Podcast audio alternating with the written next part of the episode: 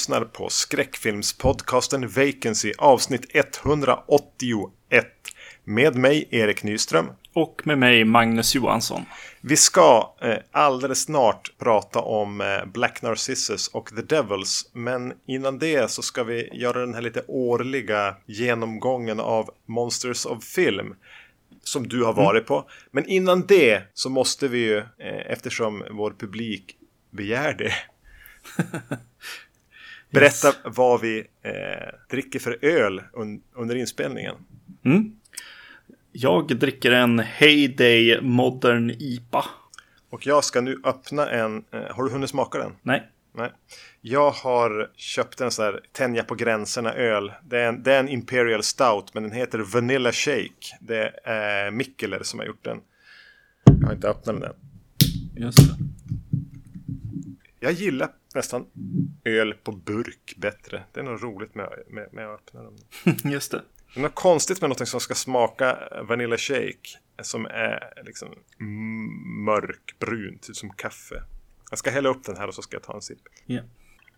Jag vill helst när jag liksom ska ha en poddöl köpa någon liten så här mustigare ale. Men fan aldrig in, finns ingenting på bolaget. Så antingen är det stoutar eller iper. Just det. Nåja, nu ska vi se om det här smakar milkshake. Den här är också så att den pärlar sig och rullar runt uppe på sig själv. Mm. Jag vet inte om det är ett tecken att den är eh, mustig. Just det. Mm. Du vet den här stouten som vi har druckit någon gång som smakar pekannötpaj. Mm. Det är lite den kategorin. Just det. Eh, det är inte, mm. Man är inte överväldigad av eh, mjölksmak här. Utan Nej. det är ganska mycket kaffe. Ja, ja, ja. ja. Eh, mm. Ölpodd blir när vi har fyllt 50 va? Just det. Ja, ska vi hoppa in på filmerna som jag har sett på Monsters of Film då? Ja. Som ju är en skräckfilmsfestival som går varje år eh, här i Stockholm. Runt, eh, ja här i oktober. Någon gång ska jag komma ner. Yes. Någon det, gång. Det vore kul. Det var eh, flera som frågade efter dig. Åh. Var det så här handklapp i publiken och stampa? nej, nej, det var inte. yes. Uh, jag tog mig igenom, vadå, uh, sju stycken filmer på festivalen. Körde du någon sån här movie night-grej? Ja, precis. Uh, jag gick på två sådana i, i år. Och ena var bara vanliga skräckfilmskvällen och den andra hade ett häxtema. För de hade också en föreläsning innan. Shit, jag skrev inte upp vad hon hette, eh, så hon som höll i den. Eh, men det handlade lite grann om, om häxans eh, ja, uppkomst och, och kvinnosyn och, och så vidare. Eh, lite grann. En, Spännande. En, lite feministisk eh, föreläsning som var schysst. Eh, hon visade lite klipp, bland annat från den här Season of the Witch som jag aldrig tog mig an att se. Uh, George Romeros film. Mm. som jag ju har den här nya boxen. eller ny, ny box från Arrow i alla fall. Den kommer liksom som att de visste om att han just skulle dö. För de släppte den och tre veckor senare dog han eller något sånt där. Så det var väl ett Precis. år sedan då ungefär. Uh, blev ju otroligt sugen på den. var uppenbart att hon som har gjort The Love Witch har har sett den filmen. Jag har aldrig sett den. Är det pinsamt att erkänna?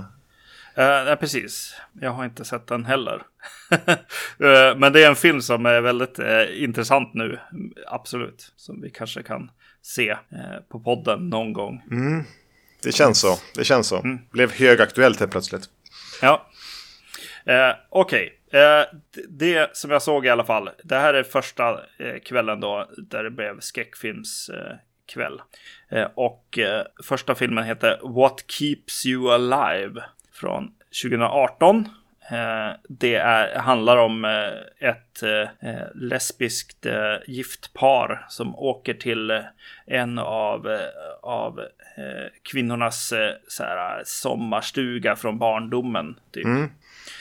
Och det, ja, det som eh, eskalerar där lite grann och, och det finns lite hemligheter sådär i, i trakten och eh, eh en av hennes gamla kompisar kommer förbi bland annat och eh, eh, det känns som att hon håller saker inne lite grann. Eh, och så hennes fru blir lite eh, irriterad där. Eh, och ja, saker händer. Jag kan, jag kan, inte prata så mycket om filmen för att eh, det är liksom själva idén är att den tar lite vändningar liksom. Man ska följa, följa den, utvecklas framför en. Eh, precis, exakt. Min, och, eh, min direkta association till titeln var liksom, vad är det som får dig att orka leva? just det, just det. Men det kanske säger mer om mig än om filmen. Yes. Uh, det kommer jag nog till, men det, det känns som de här titlarna är lite så här. Det börjar ta slut lite grann uh, på titlar. Men uh, faktiskt, den här filmen är en, en av de som fastnade lite grann genom dagarna här. som har gått sedan jag såg den. den hade lite skönt liksom, tempo och sätt att berätta sin historia på. Mm. Den eskalerar lite dåligt. Det känns som att de ville ha alla, alla idéer i filmen. Eh, så så det, den börjar kanske bättre än vad den slutar. Eh, det är sällan en eh, bra idé med en film. Det är inte det man vill ha med sig. Men, men ja, eh, en vecka senare kanske det inte spelar så stor roll. Nej. Eh, det är, men det, det, ja, den är bra. Den, den är liksom lite småkul och jobbig på samma gång. Mm. Eh, vilket är skönt med den. Det, överlag så tyckte jag nog att vet du, Monsters of film i år var väldigt mycket så här vad folk brukar kalla för treor. Mm. Starka tvåor, treor ungefär. Eh, vilket är ganska nice, för det brukar alltid komma något riktigt bottennapp liksom. Och det såg jag faktiskt inte någon.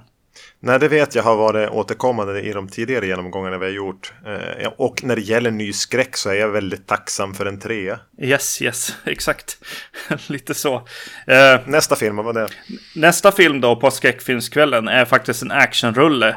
Eh, som heter Upgrade. Eh, från 2018, eh, gjord av eh, Lee Vanell. Just det, det här har jag till och med hört talas om. Mm, alltså typ så Lee. Precis. Eller Insidious, säger jag rätt James Wan-franchise nu? Jo, han, han är skådis där, han är med. Just det. Eh, och eh, den här är ju lite spännande eh, i dagarna eh, att se filmen. Den, den handlar om en person som spelas av Logan Marshall Green seriemördarnamn.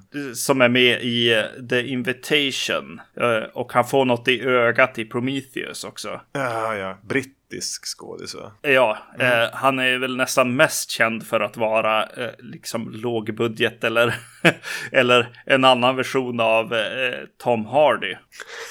Fattigmans Tom Hardy. Ja. Eh, exakt. han, han ser i princip exakt likadan ut som honom ibland. Eh, och den här handlar om att han av eh, anledningar eh, tvingas liksom ta in en, eh, en parasit eller en symbiot i, sin, i sig. Nu förstår jag vart du är på väg när du valde det ordet. Yes, och eh, som ger honom liksom övermänskliga liksom superkrafter. Eh, och som även börjar prata med honom eh, i hans huvud. Och eh, han kan bestämma lite grann när, när eh, den här symbioten eller parasiten tar över liksom kroppen eh, eller inte. Och han använder det här för att ställa orättvisor till, till rätta. Börjar han prata om sig själv som vi? Eh, ja, alltså det här är ju Venom som, som är ute på bio nu också ja. eh, med Tom Hardy. Eh, jag var tvungen att gå och se det bara för att se likheterna liksom. Och de är ju ganska slående alltså. Eh, I det, här, I det här fallet så är det någon slags eh, datachip som tar över, liksom som gör att han kan börja röra sig igen efter en olycka. Mm. lite, lite Robocop-inspirerat också. Men just att det är samma personer. Just att de får liksom lite superkrafter. I det här fallet väldigt mycket så här snabb karate liksom. Eh, och sådär. Men, eh. men vadå, vilken ska jag se då? Om jag ska se en eh, symbiotfilm. Eh, just det. För det som är lite kul med Upgrade då, det är ju att den, den lutar sig liksom tillbaks lite på 80-talet och eh, det här lite övervåldet liksom. Att den, att den, den tar i lite grann med med våldet, eh, vilket ju är kul. Och, eh, men jag måste ändå säga att Venom är lite speciell också i det att det känns som superhjältefilm. För den har, eh, det känns som att någon har skrivit ett manus och så har de filmat det. Eh, så den har liksom eh, karaktärsuppbyggnad och lite så här scener eh, för att bygga band och såna här grejer. Som man inte ser nu för tiden i superhjältefilm. Så här, så att, men båda hamnar ju på liksom de här starka tvåorna I guess. Mm. Ja, jag är automatiskt mer sugen på upgrade bara för att slippa Marvel. Mm. Ja, absolut. Jo, men det är kanske bra. Uh, yes. Mm. Uh, sen nästa film Uh, och nu är vi ju liksom 12 på natten börjar se film. Uh, så det blir ju lite, lite segare. Ofta brukar de spara typ de sämsta filmerna till, till de här tillfällena. Har jag upplevt det som på Monsters of Film. Uh, men ja, nej, det känns som den höll, höll uppe lite ändå, ändå här också. den heter Cam. Mm. Känner igen titeln. Jag tror. Just det. Mm. Uh, den handlar om en, en så här live webcam, lite så här erotisk uh, aktris, liksom, eller performer, liksom, som uh, chattar till, med gäng dudes, liksom, mm. och får liksom dricks hela tiden, liksom, för att göra saker och så där. Och i hennes då jakt på popularitet och användare så händer det plötsligt eh, någonting jobbigt så här. Hon vaknar en morgon och är utlåst från sitt konto. Men hon verkar vara live på kontot liksom. Så hon börjar se en, en annan eh, kopia, en dubbelgångare av henne. Som eh, gör saker eh, för, för att få mer och mer eh, användare och tittare mm. också. Det är i det här sammanhanget jag har hört talas om den, någon, någon sån liten artikel om eh, nya sociala medier-skräck, alltså den unfriended och de här. Att den yes. nämndes som, den hade inte kommit när jag läste artikeln, men den artikeln pekade lite fram mot att det kommer mer inom det här. Försökte mm. utforska mm. det. Eh, ja, det låter lite, jag, jag, blir lite småpeppad på, på premissen. Ja, den är inte helt dum den här filmen. Eh, utan det var, den var eh, ganska spännande och kul hur den liksom, hur liksom engagerande på ett sätt den var och även så här hur man ville liksom bara säga men glöm det där bara. För det är så mycket om så här att vara populär och, och få mer och mer användare och sådana grejer liksom. Eh, folk som ser en. Eh, så ja, hela tiden kände man att hon, hon bara kunde liksom stänga av och bara låta det där bero liksom. Eh, men eh, det gör hon ju inte. Så det finns ju någon slags nerv i det också. Ja, lite, lite kul film, mm. absolut. Är det dag två nu eller är det Movie Night 2? Ja, precis. Det blir Movie Night 2 här då. Eh, lite mer häxtema hade de eh, satt ihop här. Och eh, eh, den öppnar ju med den jag var mest sugen på på festivalen. The Field Guide to Evil. Ja, fan din jävel. Mm. från 2018. Det är väl en film egentligen som vi kanske kan återkomma till för, eftersom att det är en antologifilm. Och Peter Strickland har gjort en av episoderna, så ja tack. Exakt. Yes. Och även, eh, ja, det är ett namn som jag tänker skippa, men hon som har gjort uh, Lure. Ja, just det. Någon polska. Mm. Mm. Har också gjort en, en uh, del där. Eh, det var mycket, mycket bra grejer i den här. Eh, det som jag kan säga är att eh, det, det, den handlar liksom om eh, olika liksom, folksägner och så från, från eh, över hela världen. Liksom. Eh, runt om i världen. Och eh, den, när de kommer till Amerika så är det ganska jobbigt kan jag tycka.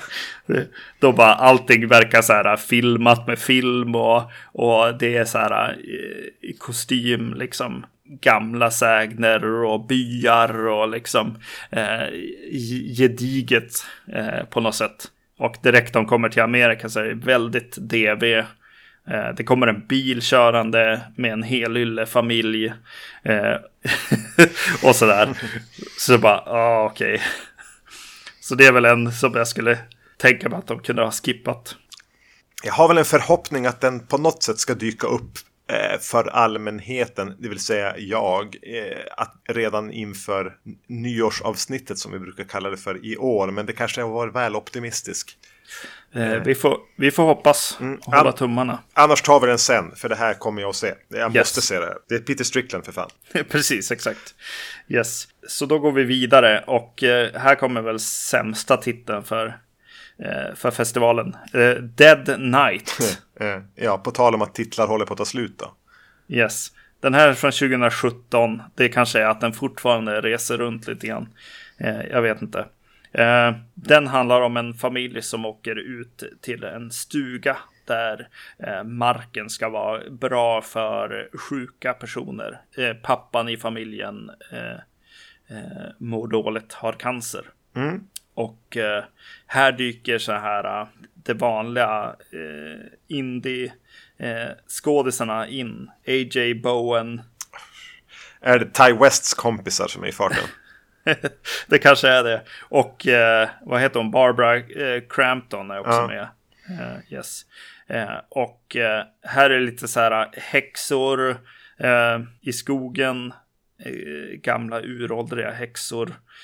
Det finns ett true crime element där man får se en sån här typisk tv-produktion med rekro- rekonstruktioner av, eh, av vad som händer i stugan egentligen utifrån hur media ser på det i efterhand på något sätt.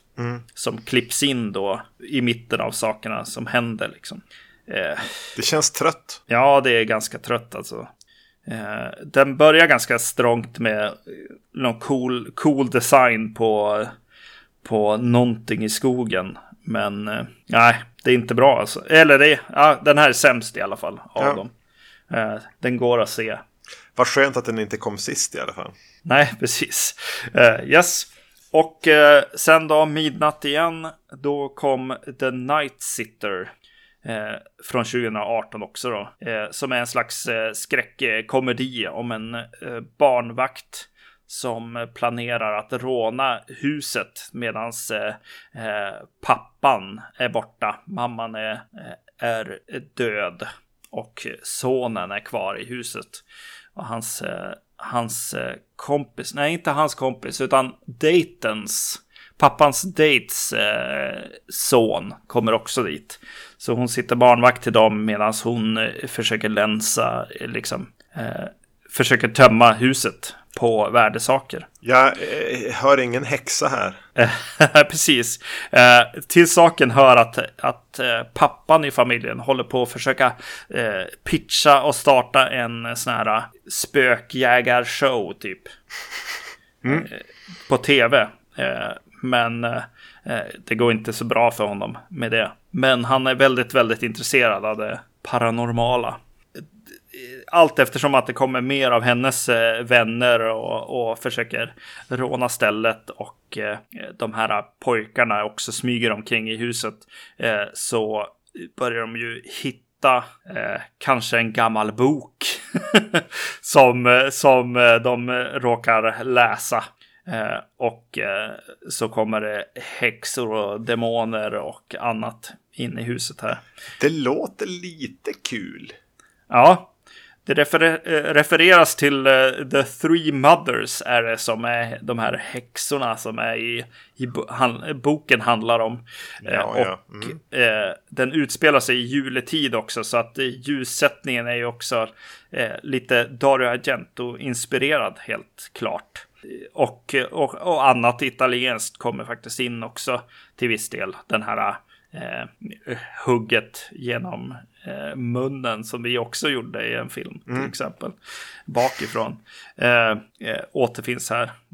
Och eh, ja, nej men den var väl okej liksom. Eh, det, det var lite dåligt med skådespeleriet och sådär. Framförallt från henne. Alltså hon är som likable men också inte helt, helt bäst helt enkelt. För det hon, hon behöver göra i filmen. Eh, en, en liten rolig granne som, som eh, också eh, gillar det paranormala och försöker försöker flörta. En riktig så här nörd helt enkelt. Som är lite eh, rolig också. En, en riktig så här skräckkomedi kan man väl säga. Helt enkelt. Jag tänker på The Burbs av någon anledning. Ja, men precis. Jo, men det är väl de, den typen av, av film. Eh, det blir aldrig riktigt jättekul. Nej. Eh, mm. Men ja. Yes.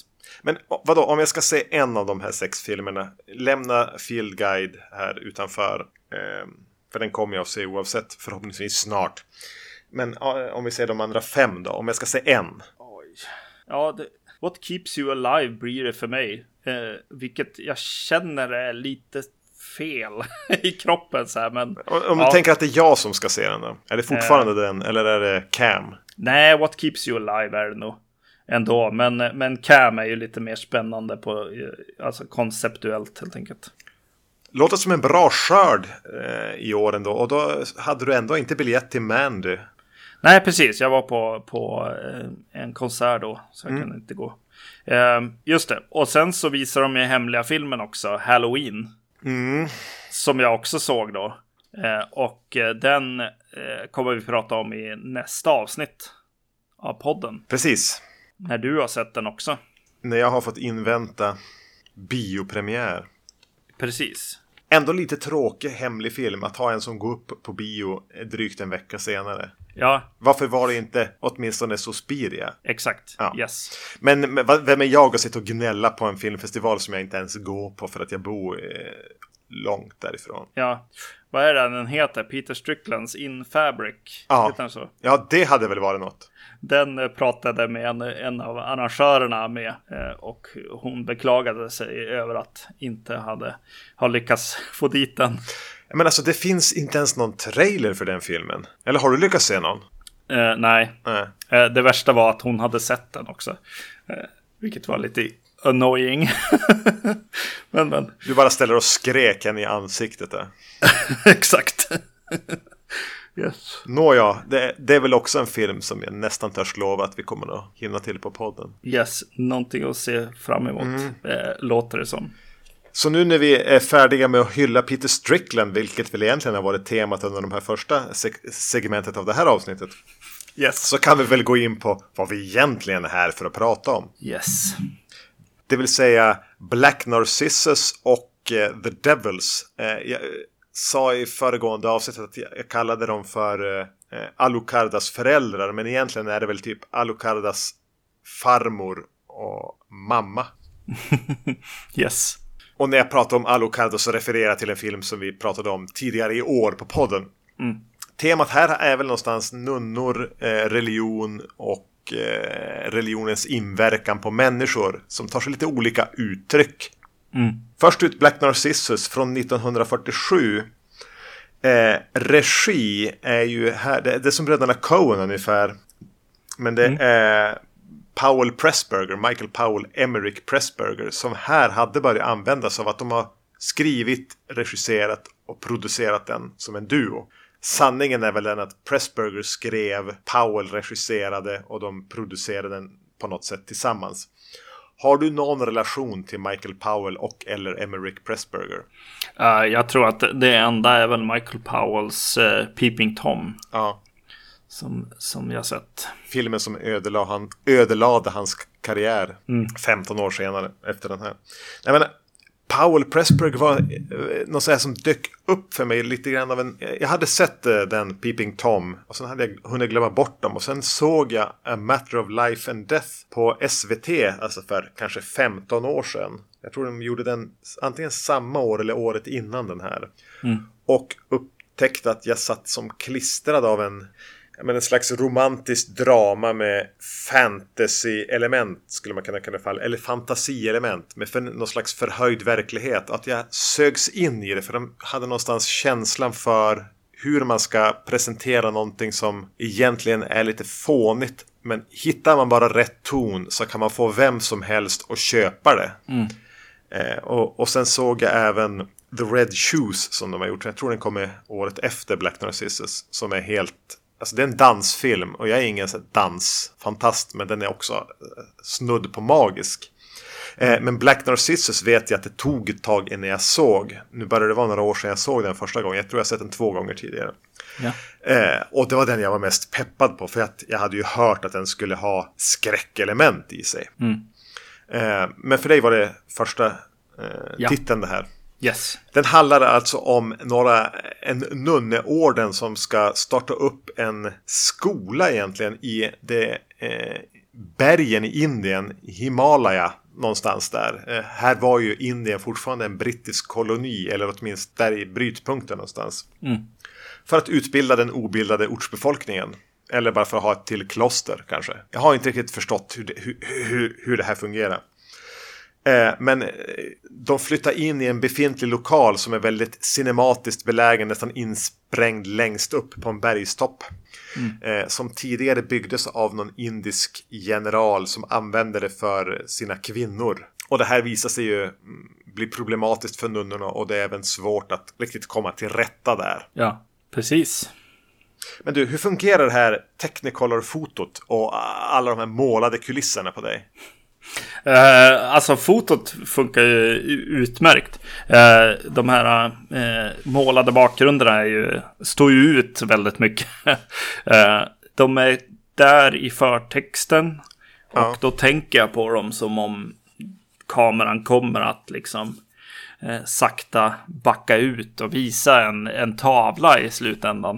Eh, men det gör den ju inte, utan eh, den bara kör på. Det är det, är det här som är eh, bergen och bakgrunderna liksom. Eh, ganska liksom, ja, jag vet inte. De har, de har inte gått på fotorealism direkt. Nej, utan det får väl bli lite av en... eh, Jag ska inte använda ordet saga, men alltså man får köpa att eh, allting ser inte fotorealistiskt ut, precis som du säger.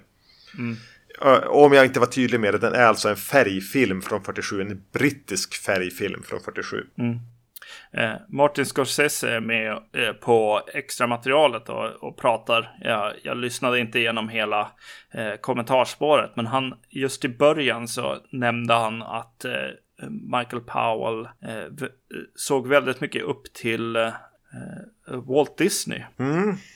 som, som en, en s- stark liksom eh, historieberättare, eller vad man ska säga. Var det något du kände?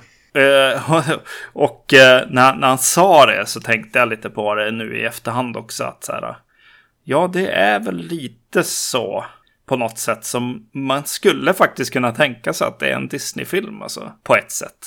Den här också. Det är nånt, någonting med hur, hur den här ja, lite exotiska grejen eh, görs i kontrast med de här nunnorna, västerländska nunnorna helt enkelt. Det blir lite, lite speciellt på något sätt. Och eh, känns igen lite grann i, i Disneys sätt att, att berätta. Eller, eller bara historier att berätta som de gör. Eh, kanske just att det känns lite sagolikt så. Kan det ju vara. Och ett- där tänker jag att, att, att eh, målade bakgrunder och sånt får, spelar en inte obetydlig del i det. Ja, precis. Exakt. Eh, och att den har ett, ett anslag som ju är väldigt trevligt till en början. Mm. Eh, musiken är också väldigt trevlig. Ja, Eh, och det här det målas ju åtminstone inte till en början upp som en, som en mörk och ödesmättad historia. Utan eh, den får bara pågå.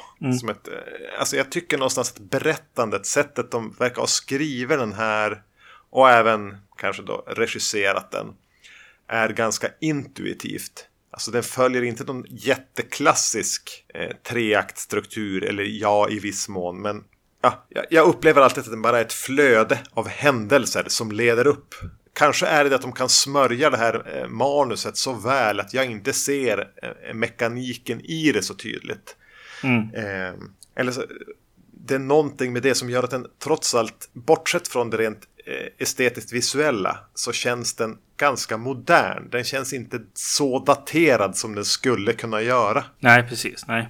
Utan att den låter psykologin finnas där som en, som en underton och men, kanske tankar kring tro och religion som en annan och imperialismen finns där och eh, ja, men vad som driver oss människor eh, och karaktärernas olika mot motivationer. Och det jag tänker framförallt på hur intuitiv den är, det är att vi har den här eh, huvudkaraktären spelad av Deborah Kerr, Sister Cloda, hon som är Eh, hon är en liten yngre nunna men hon är den som får uppdraget att, att leda det här nya klostret. Eh, hur vi får hennes tillbakablickar till det liv hon levde på Irland innan hon valde att bli nunna.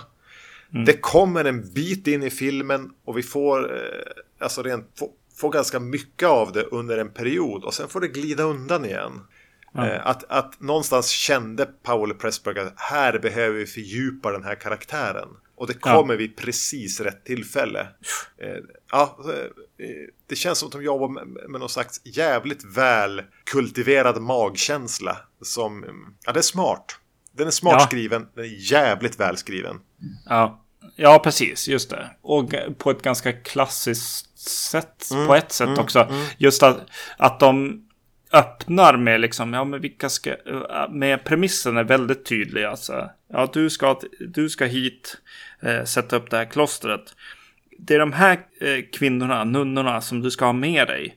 Och de presenteras väldigt, väldigt effektivt och snabbt som nunnor, kvinnor som har eh, specifika liksom roller ja. i, i det här kammarspelet, eller vad man ska säga. Vilket gör att när det väl händer saker eh, med de här eh, kvinnorna så kan man väldigt snabbt hänga med på att ja, men hon är ju sån där. Det vet ju jag redan eh, lite grann sådär. Eh, mm. Se vart det kommer ifrån. Se vem som gör den största liksom eh, loopen från liksom eh, ett en sinnesstämning till en annan liksom när, när de väl kommer dit och så där. De största hoppen på något sätt. Det, ja, det är snyggt gjort alltså. de har ju då lyxen att hoppa eh, över en hel del eh, grejer liksom. Eh, de kan, de kan eh, snabbt bara i, mitt in i en scen och bara, ja men nu är det den här nya situationen. Du behöver inte bygga upp till den. Eh, på samma sätt som, som en film som, som inte skulle ta sig tid att verkligen sätta de här karaktärerna nästan övertydligt i, i början här. Mm. Eh, ja, men gör du bara grundarbetet så har du det lättare sen i filmen. Mm. För den hittar ju även en, en, maktkamp så småningom, eller ja, någon slags maktkamp mellan den här sista Cloda och Mr Dean. Mm. Som är eh, alltså en engelsman som har befunnit sig där i byn sedan många år tillbaka som någon jävla imperialist. Som rider runt på sin, i shorts på sin lilla ponny. Men bara hur de lyckas ställa de två karaktärerna mot varann som på något vis, han är ganska skeptisk till hela grejen med en nunneorden och vad ska ni hit och försöka göra. Men visst, visst, försök ni. Jag ska hjälpa er så gott jag kan. Att mm. på något sätt blir de motpoler, men på något sätt lyckas det även presenteras att ja, men det här är de två egentliga enda riktiga bundsförvanterna som finns här. Man känner nästan att de klickar eh, på en högre nivå. Mm.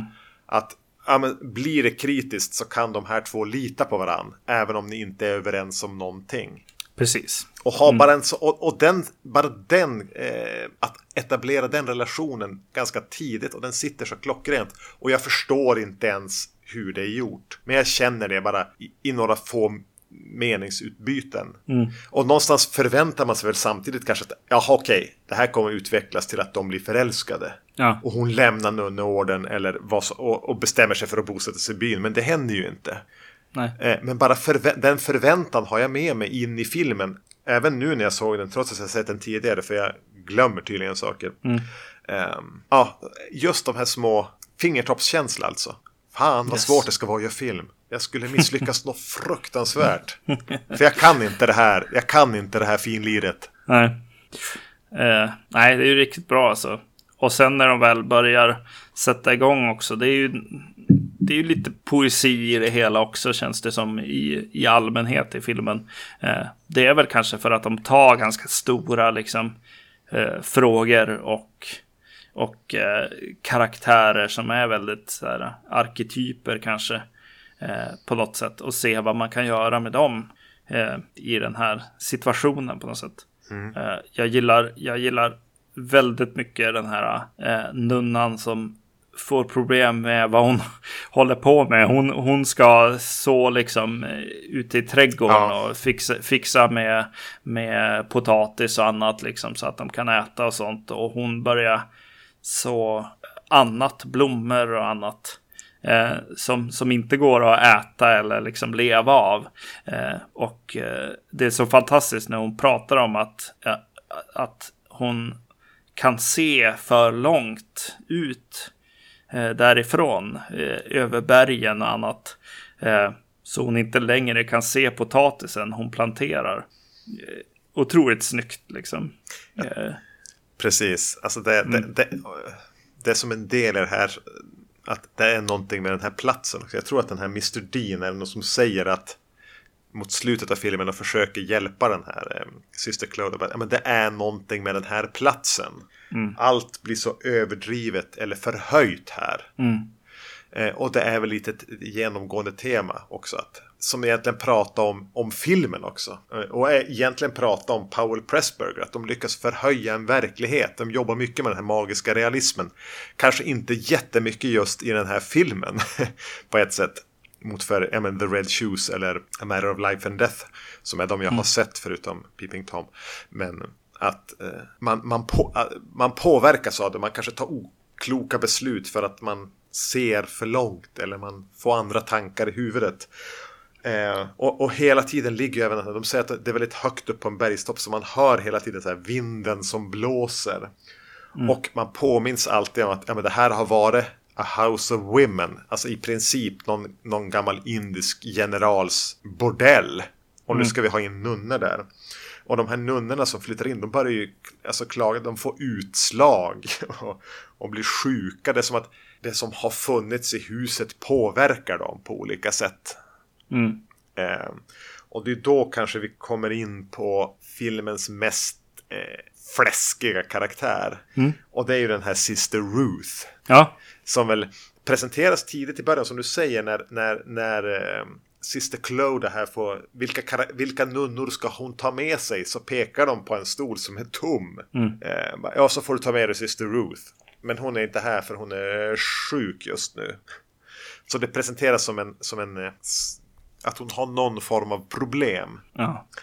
Och eh, ja, man kan använda ordet överspel från Kathleen Byron heter hon som spelar henne. Mm. Eh, men aldrig har väl ett sånt så här scenerituggande överspel känts så rätt som det gör här. Ja, precis. Yes. För hon är besatt, galen och så här, sti vilt stirrande ögon nästan första gången vi ser henne. Jag tror att en av de första gångerna vi ser henne är när hon kommer inrusande och har måste göra någon slags operation har typ sitt vita nunnedok nerblodat och är jätteuppvarvad över vad mm. hon har varit med om. För hon var tvungen att sy ihop en ven och artär och ögonen nästan snurra i huvudet på honom. Mm. Eh, ja, eller vad tyckte du om Sister Ruth? Ja, nej men eh, jag tycker hon är riktigt bra. Alltså det är jävligt roligt. Snyggt presenterad som sagt genom att vara en tom stol. Och så hur hon kommer in som du nämner. Eh, nej, men det, hon är häftig alltså. Men jag tycker nog att många av de här eh, systrarna är riktigt spännande. Jag ser, jag ser henne som en del i, mm. i de här eh, som börjar få liksom höja blicken, se, se världen runt omkring sig, se andra perspektiv. Eh, se hur kanske deras, eh, hur de kanske utnyttjas lite grann och sådär också.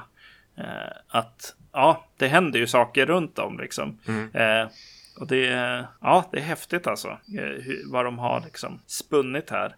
Eh, men syster Ruth här, hon är ju cool alltså. Det är en cool, cool liksom huvudakt på något sätt. Jo, hon drar ju uppmärksamheten till sig mm. onekligen. Ja. Och jag tänker att vi kanske kommer komma in på slutet så vi kan pausa det lite grann nu. Eh, om det finns andra delar som du är intresserad av att ta upp innan det. Uh, nej, nej, alltså jag vet inte. För var det en sak som jag hade problem med den här gången? Ja, just det. Ja. Du, vi, vi, är, vi är nog på samma våglängd här. Ja. Tänker du att, att Gene Simmons eh, eh, gör en slags blackface med brunkräm här? Ja, precis. Det kommer in en, en eh, av de här generalerna också tidigt som Mm. också har det. Liksom. Eh, det, det är jävligt tråkigt och den här. Ja, hon är, hon är lite jobbig att hon är med så länge också. Eh, så mycket och har det här. Ja, Ja, men hon får göra typ någon sexig dans och... och, och någon exotisk dans. mm, här, jag önskar att man kunde skylla mer på 1947 men alltså nej, filmen ska ha en jävla lavett för alltså att hon dels så spelar alltså en vit jävla brittisk skådis en någon som presenteras som någon 17-årig indisk lite stökig tjej som de låter vara i skolan där som egentligen är för de yngre. Men hon är har liksom rytmen i blodet på något vis. Och sen eh, är det ytterligare då en av generalerna, han som bestäm, ger det här klostret till nunnorna. Han, hans son är det väl, som, som eh, då är betydligt, jag menar, kanske är 30-årsåldern. Han vill också lära sig om västerländets kultur, så han vill gå i skolan. Nunnorna har så ganska stora problem med det. Men de låter han ändå vara där eftersom de inte har så mycket val. Men han blir då så småningom nästan förförd av den här 17-åringen med sin sexiga dans. Och hela den, alltså subplotten är jobbig. Både det här rasistiska att låta då Gene Simmons vara indisk och nej, förföra den här stackars mannen. Nej, nej, nej, jag vet inte. Eh, det var skämskudde. Eh, Och för mig drar det ner helhetsintrycket. Inte fullständigt, men det är ett, det är ett stort problem. ja, eh, precis. Men när vi har pratat om den hittills så är det ju mer ett drama, va? Som det låter. Eh, Ja, Men skräcken smyger sig ju verkligen in i slutet. Och nu är vi ju inne på spoiler-territoriet här. Så har ni inte sett Black Narcissus och tycker den låter spännande så kan ni stoppa här. Eh, Ja. För det som händer är ju att Sister Ruth eh, verkligen antingen låter sin eventuella psykiska ohälsa blomma ut eller så inser hon bara att hela det här grejen med nunneorder är en jävla humbug. Eller så är det så att hon påverkas också av att vara på det här stället. För hon bara fimpar eh, sin, sitt nunnedok. Hårdraggar på den här Mr Dean. Och när hon blir nobbad så tänker hon att han är förälskad i Sister Cloda. Och beger sig tillbaka till, till eh, klostret för att ja, eh, göra processen kort med henne. Och de korta sekvenser eh, när Sister Cloda tassar runt inne i klostret. Det börjar just vara dags att slå i en stor klocka som är ute på en dramatisk avsats. Och hon börjar ana att någonting är fel. Vi får en närbild på, på Sister Ruth som har liksom så lite svettiga lockar i pannan. Eh, och man ser bara ögonen och eh, några lockar. Och man ser en gestalt så här, tassa upp för en trapp. Så tänkte jag bara, herregud. Alltså vi är på någonstans skräck. En guldådra som helt plötsligt slår de ner i den. Ja. Det bara sipprar ut perfekt skräck. Va, Ja. va, va? Och, och även då en scen som är ganska känd då när Syster Cloda står och ringer i den här klockan och bakom henne så öppnar Syster Ruth eh, i, i, iförd i allt annat än ett nunnedok. Och de har ljusat henne på ett sätt som är helt sanslöst i att framställa någon som obehaglig. Ögonen ser typ målade ut och, och bara gör en, en eh, Sadako inte i rycket men alltså man, mina tankar gick i alla fall till typ Sadako i, i Ringu. Bara, Ja, jaha, ni, ni visste vad som var o, så här obehagligt 47. Varför gjorde ni inte en hel film med sånt här stoff? Mm, just det. Som är alltså guld. Ja, jo verkligen. Eh, ja, bara som du nämner, vet du, den här tassande uppför trappen grejen är ju, är ju fantastisk. Ja, det är nästan den en, enskilt skarpaste. Det är en två sekunder långt klipp. Mm, precis. Ja, man vet ju att vi gillar sånt i och för sig. Eh, Jag tänker på fre- fredagen 13 del 2 när han tassar över, eh, över vägen och man klipper liksom lite för sent för att se att vem det var liksom. Eh, till det och sådär. Eh, det, det, det börjar ju här då, I guess. Mm. Men ja, absolut coolt. Alltså he hela, hela hennes, liksom, vad ska man säga, sammanbrott eller hur man ska kalla det, eh, är ju väldigt visuellt eh, häftigt alltså. Definitivt. Eh, otroligt häftiga scener också när, när de eh, försöker stoppa henne från att eh, sticka utan, utan hjälp. Liksom. Mm, mm. Så, så då, hon försöker övernatta med henne, hon huvudkaraktären, va? Ja. Eh, just det. Och eh, de sitter där och tittar på varandra liksom. och hon är ju i princip också där på ett sätt. Eller i alla fall kunde vara Syster Ruth här. Om hon också hade varit lite sjuk redan innan hade hon ju definitivt varit där. För hon är ju på väg åt, åt samma håll på något sätt. Ja, ja nej, det är en häftig film alltså. Eh, min enda fråga eh, efter jag sett den för första gången bara här. Eh, Black Narcissus. Va, vad och varför kommer den här titeln in? Missar du det? Ja, alltså jag hänger inte riktigt med på det kan jag säga. Nej, men den här indiska generalen som har gett dem klostret. Sonen här som är där, som får vara, i, vara där och bli undervisad. Precis, han har ju någon näsduk som luktar det här. Han har någon parfym som luktar Black Narcissus. Eh, och ja. jag tänker att, att det handlar lite grann om alltså lukten av den här, det otämjda, det ja. liksom hedonistiska, eller bara för de här nunnorna att se bortom horisonten på något vis. Mm. Att det är det det syftar på. Yes. Um, mm. Tror jag. Ja. det var min tolkning den här gången. Yes, yes.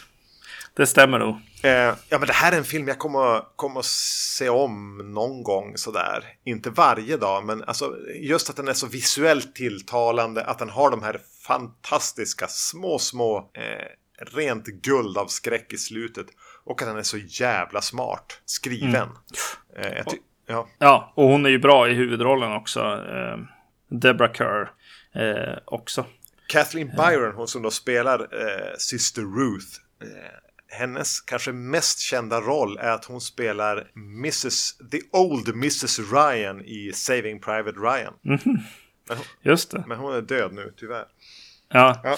Det, den jag tänkte på eh, allra mest är en karaktär som är med i Susperia. En av, en av de lite så här galna tanterna där. Eh, hon är också med i Inferno. Eh, I slutet av Inferno är hon med. Mm, mm, mm. Vi pratade yes. om henne i det avsnittet.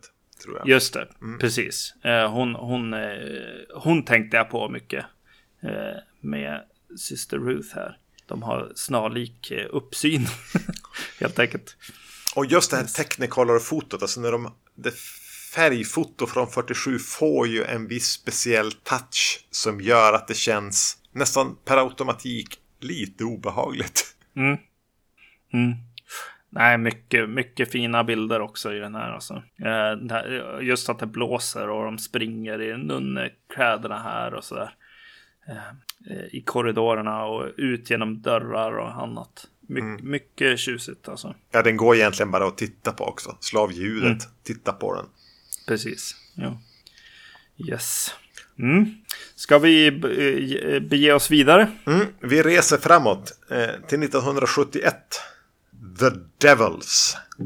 Ken yes. Russell. Eh, har du, vad, vad, har du någon relation till Ken Russell då? Nej, alltså inte mycket. Alltså jag har sett filmer av honom, men jag har inte riktigt så här pinpointat vad, vad, eh, vad. Mm. Helt enkelt. För jag börjar ju någonstans, eller för något år sedan kanske insåg att Ken Russell nog ändå är en av mina favoritregissörer. Mm, mm. Eh, jag kan inte riktigt förklara vad han är för en farbror. Men han är en provokatör, en som älskar att grotta ner sig i musik och gör flera filmer om musiker och verkar vara intresserad av opera. En smart snubbe, någon med definitivt med, med glimten i ögat och framförallt även med nagel i ögat på etablissemanget utan mm. att för den skull kännas som, en, eh, som ett litet barn. bildstark. Jag tänker att hans operakärlek kommer in där. Att det ska vara storslaget på många sätt. Han gillar att berätta i bilder. Mm. Och ja, alltså jag har sett kanske fem, sex, sju av hans filmer och ingen har varit medioker. Utan alla har varit bra eller uppåt. Mm. Jag är, eh, och det här är en film som vi kommer att återkomma till på podden. Om det så är det sista jag gör. Och det är den här China Blue eller Crimes of Passion med Anthony Perkins. Ja, precis. Just det. Den såg jag eh, förra året tror jag. Ja. Just det. Mm. Kanske ansedd som en av hans mindre filmer, men ja, ah, fy fan vad häftig den är. Eh, ja. Altered States också har han gjort. Och han gjorde de här alltså, ren, rena musikfilmerna, typ Tommy och List Mania eller någonting. Och filmer om så klassiska, klassiska kompositörer. En del har sagt att han är den som på något sätt satte på skam det här med att vara en brittisk regissör. Mm. För säga vad man vill om Powell, eh, Michael Powell, eh, Emerick Pressburger som vi nu pratar om i, i eh, Black Narcissus. Men de har ju någon slags, det är fortfarande någon slags klass där. Ja. Men det här är ju mer någon som bara freaka loss. Ja. Han känns inte brittisk. Han känns mer, han, han är ju närmare Argento än Hitchcock. Just det. Mm. Men, men, men, nu hamnar jag i någon sån här lång meditativ rant om eh, hur, hur mycket jag tycker om Ken Russell. Mm. Och det kan man väl unna sig själv att göra då och då. Absolut. Men eh, vi ska prata om The Devils nu. Som utspelas på 1600-talet, om jag inte är helt fel, i Frankrike. Mm. Och, eh, mitt i någon slags kamp mellan protestanter och katoliker. Där kungen har en betydande roll.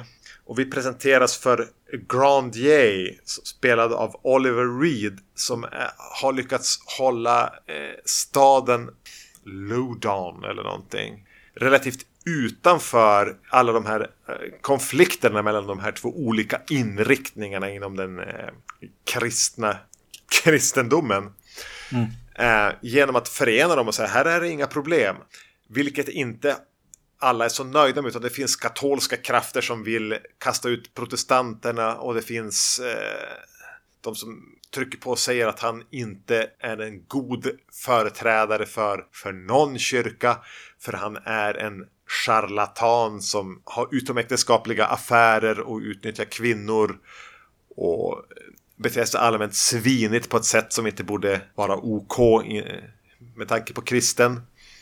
Mm. Och vi presenteras även för en nunneorder inne i den här staden som har väldigt strikta eh, och smått besatta ideal av både hur man ska se på det renlärliga livet men samtidigt kan de inte heller stå emot att vara sjukt kåta på, på, på Oliver Reed.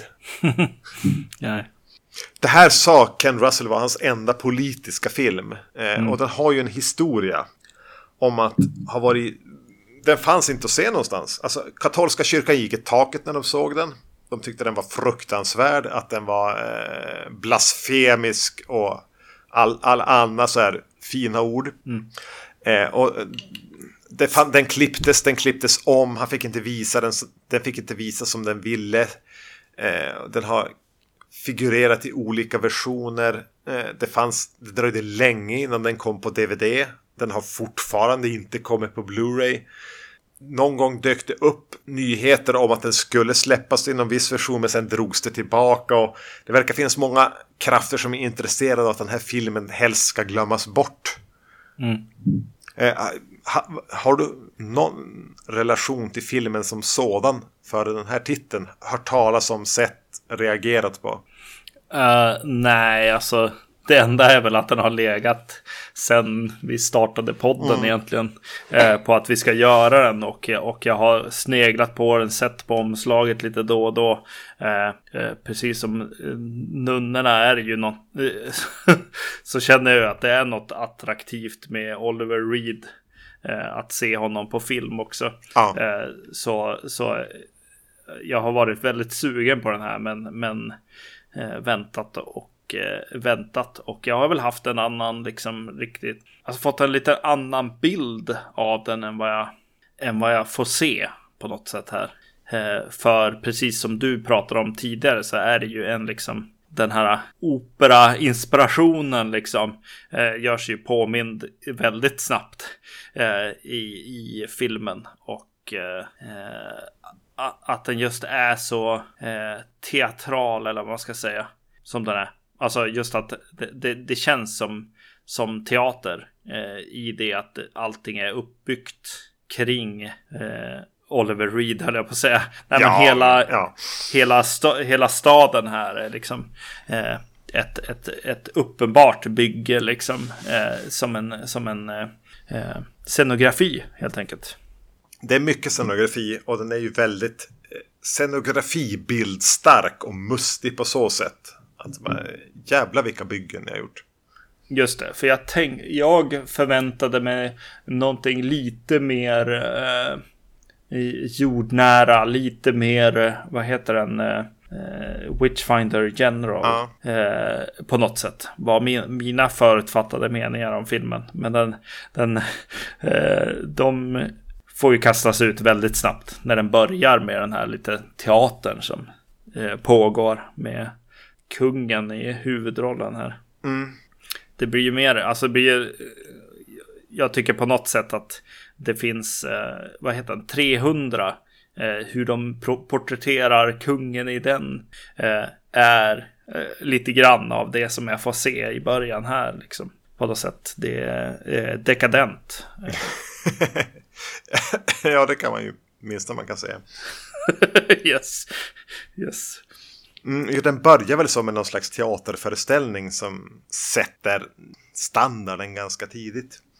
Precis, yes. Och bland det första vi får se efter det blir liksom första gången jag hajar till i den här filmen. Det är bara någon fade in till typ ett ruttet lik som snurrar på ett vagnshjul. Mm. bara fullt med maskar i ögon och munnen. Så varje gång det liksom rullar ner så att tyngdlagen får, får greppa tag i de här maskarna så bara dräller det maskar ur det. Mm. Eh, och det är någonting med det som är, jag var inte beredd på det. Jag har sett den förr, men jag minns väldigt lite. Jag minns bara en magnetisk Oliver Reed. Men, mm. men nu... Eh, shit pommes frites. Ja, men det här är på allvar. Vi har en massa lik som snurrar på vagnshjul på stora pinnar högt upp i luften här. Mm. Ja, men det här är ju lite häftigt visuellt alltså. Det hade jag glömt. Yes. Eller inte snappat upp när jag såg den förra gången. Nej, precis. Yes. Nej, så är det ju. Eh, och, och, även när de klipper in till, till staden och Oliver Reed håller sitt eh, brandtal där i början. Mm. Om, om hur, hur viktigt det är med just de här väggarna, liksom de här murarna som de har. Som de då har byggt extra, extra tjocka. Mm. Det är bara murar vi ser. Eh, eh tegelstenar, vita med, med svart eh, murbruk liksom det är väldigt påtagligt. Ja. det han säger kontra det vi ser på liksom. Nej, det är som häftigt alltså. Och hela hans, hans eh, liksom, eh, den här präst, liksom, utstyrseln som han har. Mm, han har någon eh. lite halvsexig mustasch och lite längre frisyr också. Mm. Och de, det, det, är ganska snabbt man förstår att det här är egentligen, ja men han är präst. Men han är även en kvinnokar. Yes det, det handlar ju väldigt, väldigt mycket om, om makt och sex och, och sådana saker liksom. Att, att få helt enkelt. Och någonstans Grandier som han heter så presenteras det tydligt att ja, men även nunnorna och alla i den här stan de vill bara ligga med, med Oliver Reed. Mm. Eh, och han drar ju någonstans nytta av det och passar på att ligga med lite, ja men någon högt uppsatt persons dotter. För att han mm. har någon tro på passionen. Han, han låter sig inte bindas av att, att den organiserade religionen skulle säga att någon präst, vilket han, han ju ändå är, inte skulle kunna vara sexuellt aktiv. Mm. Till saken hör ju då att, att hon är ju hans eh, student också. Ja. Han lär ju ut eh, latin till henne. Eh, så att eh, ja, det finns ju den aspekten också här. Han drar nytta av situationer. Eh, man skulle kunna säga att han tror på kärleken. ja, man kan säga det. Yes. Även om man samtidigt är väldigt pessimistisk till livet och till all, alltså till staten och till allting. Ja, men han tror på något sätt att han har ju ändå lyckats vara den som har orkestrerat någon slags fred. Och att, att den här staden har fått vara i fred från eh, inbördeskriget eller det här religiösa kriget. Mm. Men han har ju en ganska pessimistisk syn till livet som sådant. Utan att han, han verkar ju finna sina få glädjeämnen i ja, men stoltheten till det han har åstadkommit möjligtvis. Men även i att förlora sig i passionen med, med någon kvinna som han väljer att utnyttja från mm. sin maktposition. Så han är en ganska komplex karaktär men att sympatisera med. Mm. Men han är ju ändå den man helst sympatiserar med här. Vilket kanske till stor del har att göra med att det är Oliver Reed som är svåröverträffad vad det gäller att vara karismatisk på film. Mm. Och här är han ändå relativt återhållsam. Alltså det, inte det här klassiska Oliver Reed. Eh, eh, skrika första halvan en replik och viska andra halvan. Alltså när han blir lite pajig. Mm. Eh, utan här har han ju gått in helt och fullt och även vågat trycka lite grann på bromsen. Mm. Eh, ändå. Eh, jag har aldrig sett han bättre än här. Nej, det har jag inte. Nej, nej. Det är status och makt och sånt som driver honom. Men det är också någon slags kärlek och kärlek till sin stad och sina, mm. och sina människor säger jag. För det är så han upplever det tror jag. Eh, lite grann. Eh, och att, när folk är eh, Pesten gör sig ju påmind här också. Ja. Det, det, är folk som dör eh, hela tiden i staden eh, lite grann. Och det känns som han ändå bryr sig om på något sätt. Ja, han kastar ut några så här som försöker sälja på falska eh, liksom, metoder. Och säger ja. bara låt bara den här kvinnan dö i fred. Alltså, alltså mm. alltså han, har, han är ju en humanist på ett sätt. Mm. Och vissa ja. delar av hans person är väldigt lätt att identifiera sig med.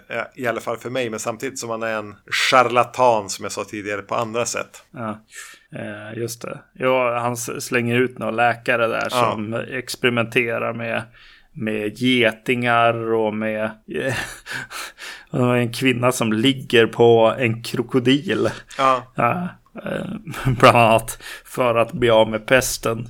Ja. Eh, och det ser han ju igenom.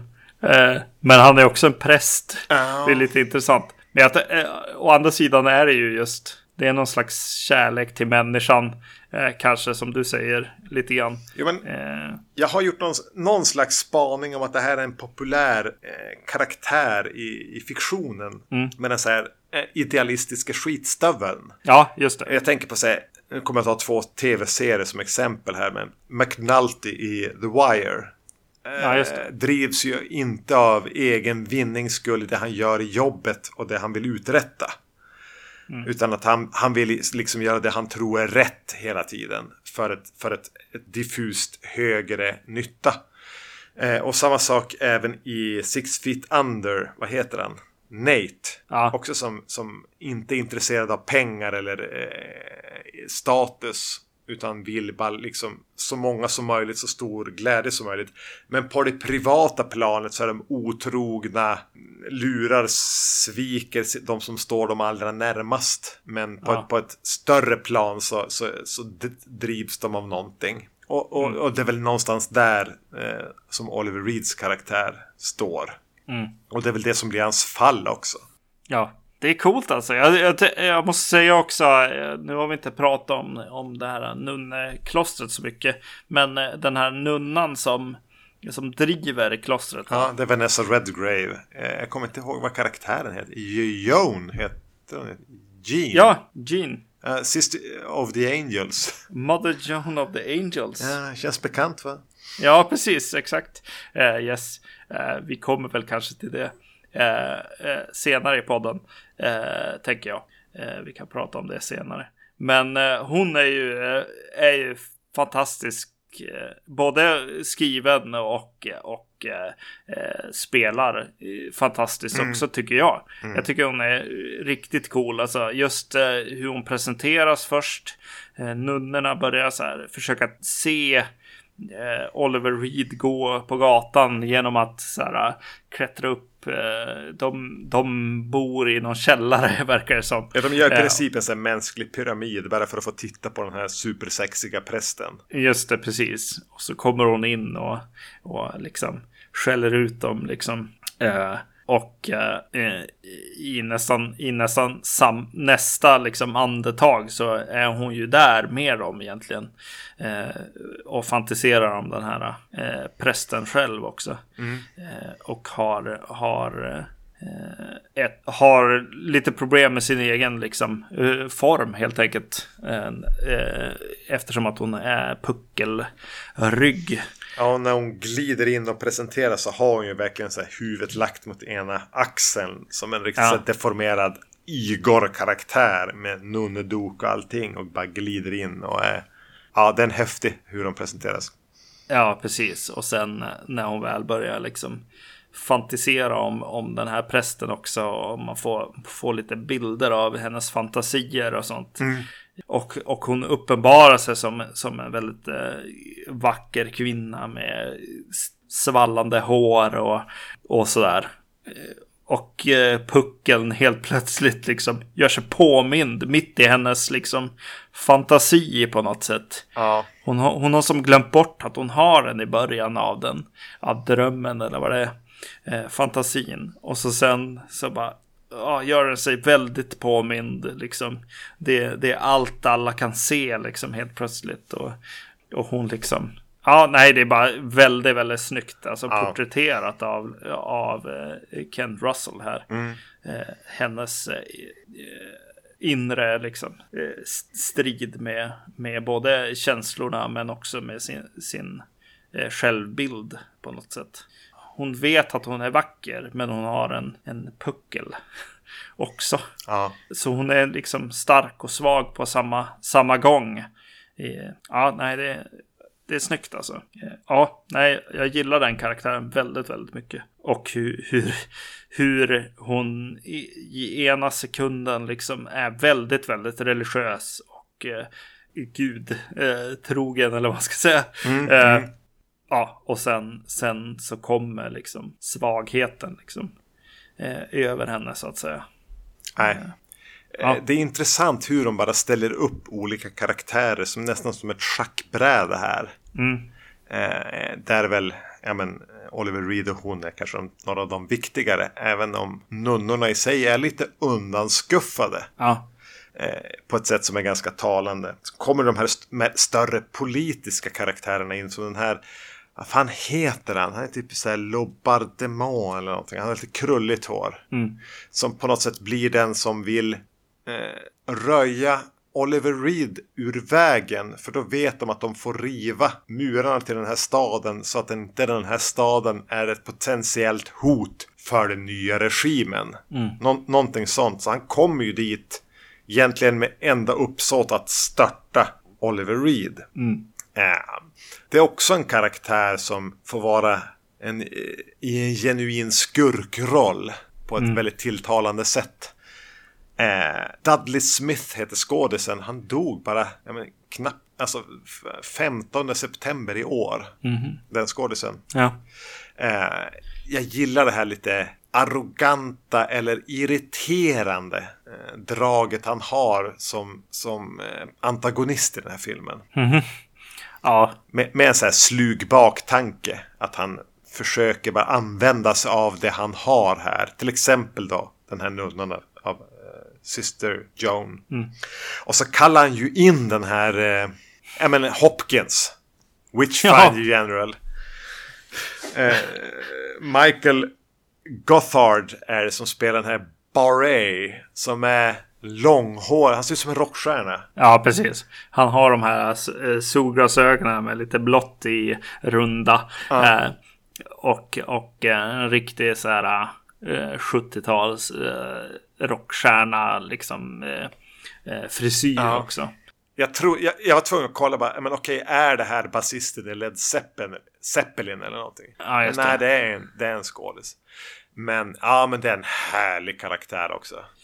Eh, otroligt, eh, ja men häftigt. Det är precis, alltså, åh, det känns som en rockstjärna. Jo, men det gör det absolut med, med mening. Ja, ja. Eh, det är inte bara så att så här, åh, 71, det är 71 liksom. Eh, det blir så här ibland. Utan det är ju verkligen eh, det han vill förmedla på något sätt. För eh, den här eh, Barret är ju en häxjägare som på något sätt har tvingat sig själv att tro på det han gör. Så han är inte mm. cynisk. Utan han kanske han sitter ju i flera av scener och bara så här nästan mässar bibelverser för sig själv. Ja. Någonstans är han så här till 15% medveten om att, att han bara är ett, ett instrument som används av pol politiken för att eh, put, ja, men, oskadliggöra vissa personer. Mm. Men han bara, väljer att bara läsa bibelverser så högt för sig själv att han tror på det. Och han är ju samtidigt inte sen att bara manipulera fakta för att passa ihop med hans egen världsbild. Nej. Eh, men han, han, han övertygar sig själv så mycket att han tror på det på något mm. vis. Ja, eh, som sagt var en rockstjärna som får komma in och riva ner på applåderna och han tror på sig själv som rockstjärna. För om han inte skulle göra det så skulle han inte finnas längre. Nej. Ja. Ja, vilket jävla vilket galleri vi har här. Ja. Och så den här bildstarka operakänslan. Äh? Ja, eh, precis. Nej, men det eh, blir jävligt grymt alltså. Och eh, det, eh, eskaleringen är, är eh, fantastisk också. Eh, och hur de här nunnorna får del i hela det här politiska spelet och mm. allting. Ja, skenavrättningen de gör på dem i skogen. Ja. Ja, fan vilken häftig scen. Ja, eh, nej men alltså vadå, vadå? Det blir... Jag vet inte, ska vi... Ska, vill du djupdyka mer eller ska vi bara säga att det är en jävligt cool film? Eller? Jag har lite djupdykningar kvar här. Yes, ja, men då kör vi. Ja, så tar vi handen för näsan och bara hoppa. Mm jag ska erkänna själv att jag, jag blev helt insugen. Jag, jag glömde helt bort att ta notes efter ett tag här. Eh, min sista note är Church and State. Ja, ja. Vilket är precis eh, rätt känsla. Eh. och det presenteras ju även typ bland det första som händer i hela filmen är ju typ en diskussion om kyrkan och staten. Ja, precis. Typ yes. Bland de första replikerna. Mm. Eh, och den kommer väl där egentligen min, min eh, sista liksom note här som jag har gjort. Helt enkelt. Sen, sen följde jag bara med i filmen. För jag upplever det lite grann som att den presenterar religion. Eh, vare sig den är eh, kristen eller islam eller vad du vill. Att de personerna som har gått in i den här religionen handlar mycket om självförnekelse undertryckta begär och en slags förenklad trångsynthet för att få världsbilden att gå ihop. Mm. Att de presenteras som ganska lidande individer. De, de mm. extremt mm. dogmatiska kristna i det här fallet. Och att att de blir bara en slav till ett politiskt maktspel. Man använder bara eh, religionen för att få så mycket makt som möjligt. Mm. Det, det, det, var det jag upplevde att, att Ken Russell ville säga här. Eller jo, vad, vad gjorde du för, för eh, vad fick du för känslor? Ja, precis. Nej, men känslan för mig var bara så här. Men, eh, tänk att vi ändå delade upp det här så jävla sent som vi gjorde i Sverige kände jag när jag såg filmen. Ja, det var på 90-talet egentligen. Ja, helt sjukt. Vi levde liksom när kyrkan var del av liksom staten. Eh, ja. det, det, var det jag tänkte när jag såg den här filmen. Och jag kan tänka mig att, ja, som sagt, min enda politiska film här, som Ken Russell sa. Ja, och de hade ju ett komplicerat förhållande till kyrkan i England också, just det här med kyrka och stat. Mm. Eh, för jag är väl någonstans av uppfattningen av att vara religiös ungefär som att vara ett fan av eh, Manchester United. Alltså att det är ett särintresse som du absolut får gå in i hur mycket du vill. Men det har ju ingenting med hur fördelningen av tillgångar eller eh, övergripande beslut ska tas. Det har inte Exakt. en ytterback någonting med att göra och inte heller Jesus. Nej. Ehm, men här visar den, tycker jag ändå på något sätt hur kyrkan även har använts av de som, sitt, som är intresserade av makt och politik att använda det som ett vapen. Och det görs ju nu också väldigt mycket. Jag bara tänker på, på, på liksom eh, Al-Qaida som många ser som religiösa fanatiker som egentligen är en politisk organisation som använder islam som en del i sin hämnd på, på västvärlden för ett förtryck som har pågått under många hundra år. Mm. Eh, det, det, är en bra megafon till folket.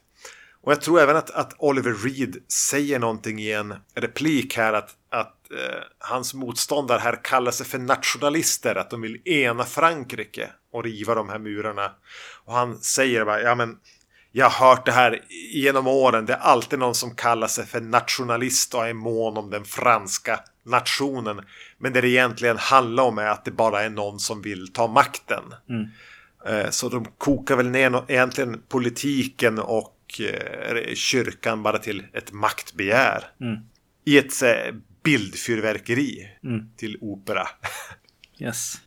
Men upplevde du att den har blivit nedklippt? Upple känd, kunde du känna av att det här är en film som är slaktad och att vi fortfarande egentligen inte har sett den fullständiga The Devils? Alltså jag vet inte. Ja, kanske när det väl börjar es eskalera att, mm. att det blir lite grötigt eh, sådär. Eh. För jag kände det efter att, att Oliver Reed grips av eh, sina motståndare. Att då händer saker lite hackigt och grötigt som du säger. Att här, där kände att här saknas det saker. Mm. Och eh, jag vet inte om du har läst någonting av de mer kända scenerna som saknas här.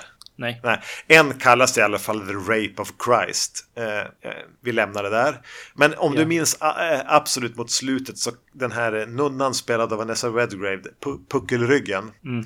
Att han kommer in och kastar åt henne ett förkolnat, eller så här, åtminstone bränt lårben från Oliver Reed. Yes. Ja.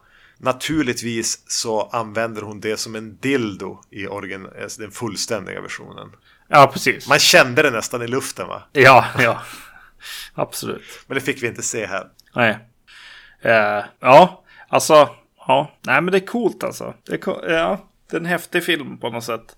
Uh, jag, jag, tror att jag bör se den igen också. Ja. Uh, för att som sagt, de, mina förutfattade meningar behövde, behöver nog liksom ta ännu ett litet steg bak. Eh, och eh, jag behöver se den en gång till. Eller två eller tre. Ja, för, för mig var det här var andra gången jag såg den. Förra gången var väldigt länge sedan. Eh, ja. Att, att den, den föll betydligt mer på plats vid en andra titt när man vet vad det är man ska ta sig an. Just det, precis, just det. Ja, det finns ganska mycket säkert i, i just vad han pratar om som inte kommer fram riktigt eh, i det vi diskuterar nu. Mm. Då sitter säkert någon och lyssnar och skriker åt oss. Eh. ja, men det hoppas men, jag. Ja. Det hoppas jag att det gör. Yes, yes. Uh.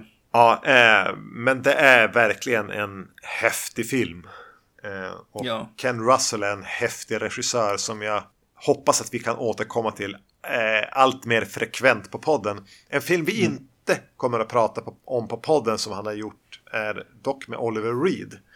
Eh, Criterion har släppt den i år och den heter Women in Love. Eh, jag har mm. inte köpt den utgåvan än men det kommer jag att göra. Och det borde du också göra. Just det. Eh, yes. Jag tänkte när jag såg den då att det här känns som en Kubrick-film. Okej. Okay. Eh, framförallt första halvan. Fantastisk. Eh, så Women in Love av Ken Russell. Mer ett, ett Kubrick-drama. Eh, men jävligt bra. Och hans övriga filmer eh, som drar mer åt skräckhållet kommer vi att återkomma till. Ja, precis, just det. Får jag göra återkopplingen till Alucarda då? Ja, vi måste göra mer återkopplingar sen. Men yes, vi börjar med Alucarda. Eh, yes. Känner du att eh, jag skojade och kallade att det här är föräldrar till Alucarda? Ja. Känner du av dem, alltså tänker Black Narcissus och The Devils, att det finns en slags hereditet här? Jo, men så är det ju. Eh, det är ju just de här kanske delarna framförallt med just att hur är det att bo, bo som nunna liksom? Eh, och hur, ja egentligen som präst också på ett sätt. Ja. Alltså just den här, det är en jävla dum idé.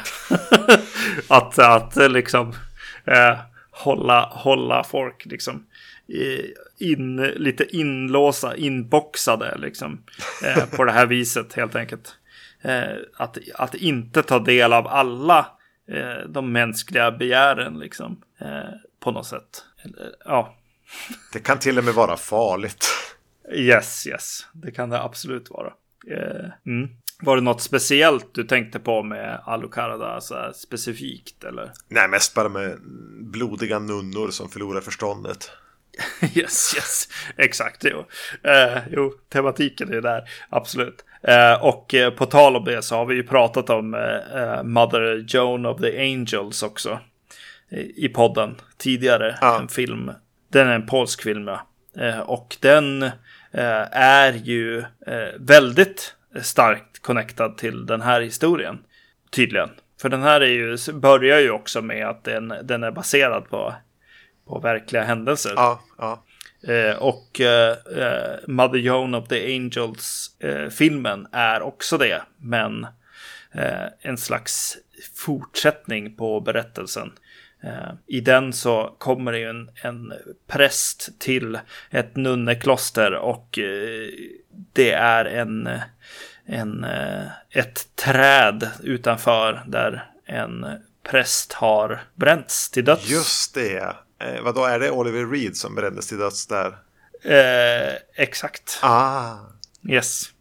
Eh, så så de, de hade vi haft bättre koll så hade vi kanske gjort de avsnitten tillsammans. Mm, men, men. Mm. Vi skulle inte ha slarvat så mycket med på våra teologilektioner. exakt, exakt. Nej, men eh, allmänt häftigt. Jag, hade, jag känner att jag inte hade så mycket att säga egentligen om de här filmerna eftersom att jag såg dem för första gången. Eh, de behöver fler tittar och så skrev jag i princip inte ner något på båda för att jag sögs in i dem. Mm. Men det är väl ett gott betyg i sig? Eh, det är det absolut. Eh, jag är mycket, mycket nöjd med båda de här filmerna. Black Narcissus lite mer lättittad. Kanske lite mer att se med mamma. Än vad, vad The Devils är som är betydligt snuskigare och vulgärare. Men ja, det är klart att man ska se båda de här filmerna. Fort som fan om man inte har gjort det redan. Just det, ja. jag ska erkänna hur jag såg den här uh, The Devils. Jag höll inte på att ha tid innan vi skulle spela in och se den här filmen. För att jag var på Monsters of Film samtidigt. Mm. På kvällarna när barnen eh, ligger och sover. Där man bör se Och The du Devils. såg väl inte den med dina döttrar va? Nej, utan jag sa nu går ni till ert rum. och så såg jag filmen med, med hörlurar på. yes. de, var, de kom aldrig ut och ville ha ett glas O'boy eller någonting. Nej, precis. Nej. det gick bra. Yes. Nej, den är, den är lite, uh, lite som den är. Mm. Jo. yes, den är för vuxna helt enkelt. Vuxenfilm. Mm. Ja, jo, nej men det här var kul. Det var skoj. Och jag yes. hoppas att vi kommer ha lika skoj i nästa avsnitt när vi eh, kommer att prata om Halloween eh, 2018. Eller vad den då heter. Heter den The Halloween eller vad? Ja, den borde heta det eller något. Ah. Som The Predator. Men eh, nej, den heter Halloween alltså. Så nu är det tre filmer som heter Halloween. Och då tänkte jag så här. Nej, den skulle ju heta Halloween 2. Men eh, då hade det ju varit tre filmer som hette det också. Så. Ja. Eh, ja, vi får gå igenom den här tidslinjen lite eh, i nästa avsnitt. Vi får göra det när jag har sett den. Eh, yes. Gå in och följ oss på Facebook. Inte bara för att vi har någon slags egotripp om att ha många följare eller inte. Utan det kan även vara lite nyttigt. Vi tänker att vi kommer att använda oss av det för att låta er avgöra innehåll i framtida avsnitt i större utsträckning. Men även så eh, använder jag mig av vår Facebook-kanal för att göra mig av med lite DVD, Blu-ray som jag tycker tar onödig plats. Jag kan ha dubbletter eller jag är bara en jävligt snäll snubbe. Och då använder jag också av, av oss på Facebook att slumpa iväg de här. Så om ni mm. går in och följer Vacancy på, på Facebook så och, och, förutom att ni får möjlighet att kommentera avsnitten så gör det bara. Mm. Annars finns vi ju på, på iTunes och på andra podcastleverantörer. Eh, man kan mejla oss på podcast@vacancy.se om man inte vill använda sig av Messenger-funktionen på Facebook. Instagram heter jag Erknym. Du heter Zombie-Magnus. Är det något annat vi brukar säga när vi avrundar ett avsnitt? Nej. Nej, då stannar vi här. Yes. Hej! Hej hej.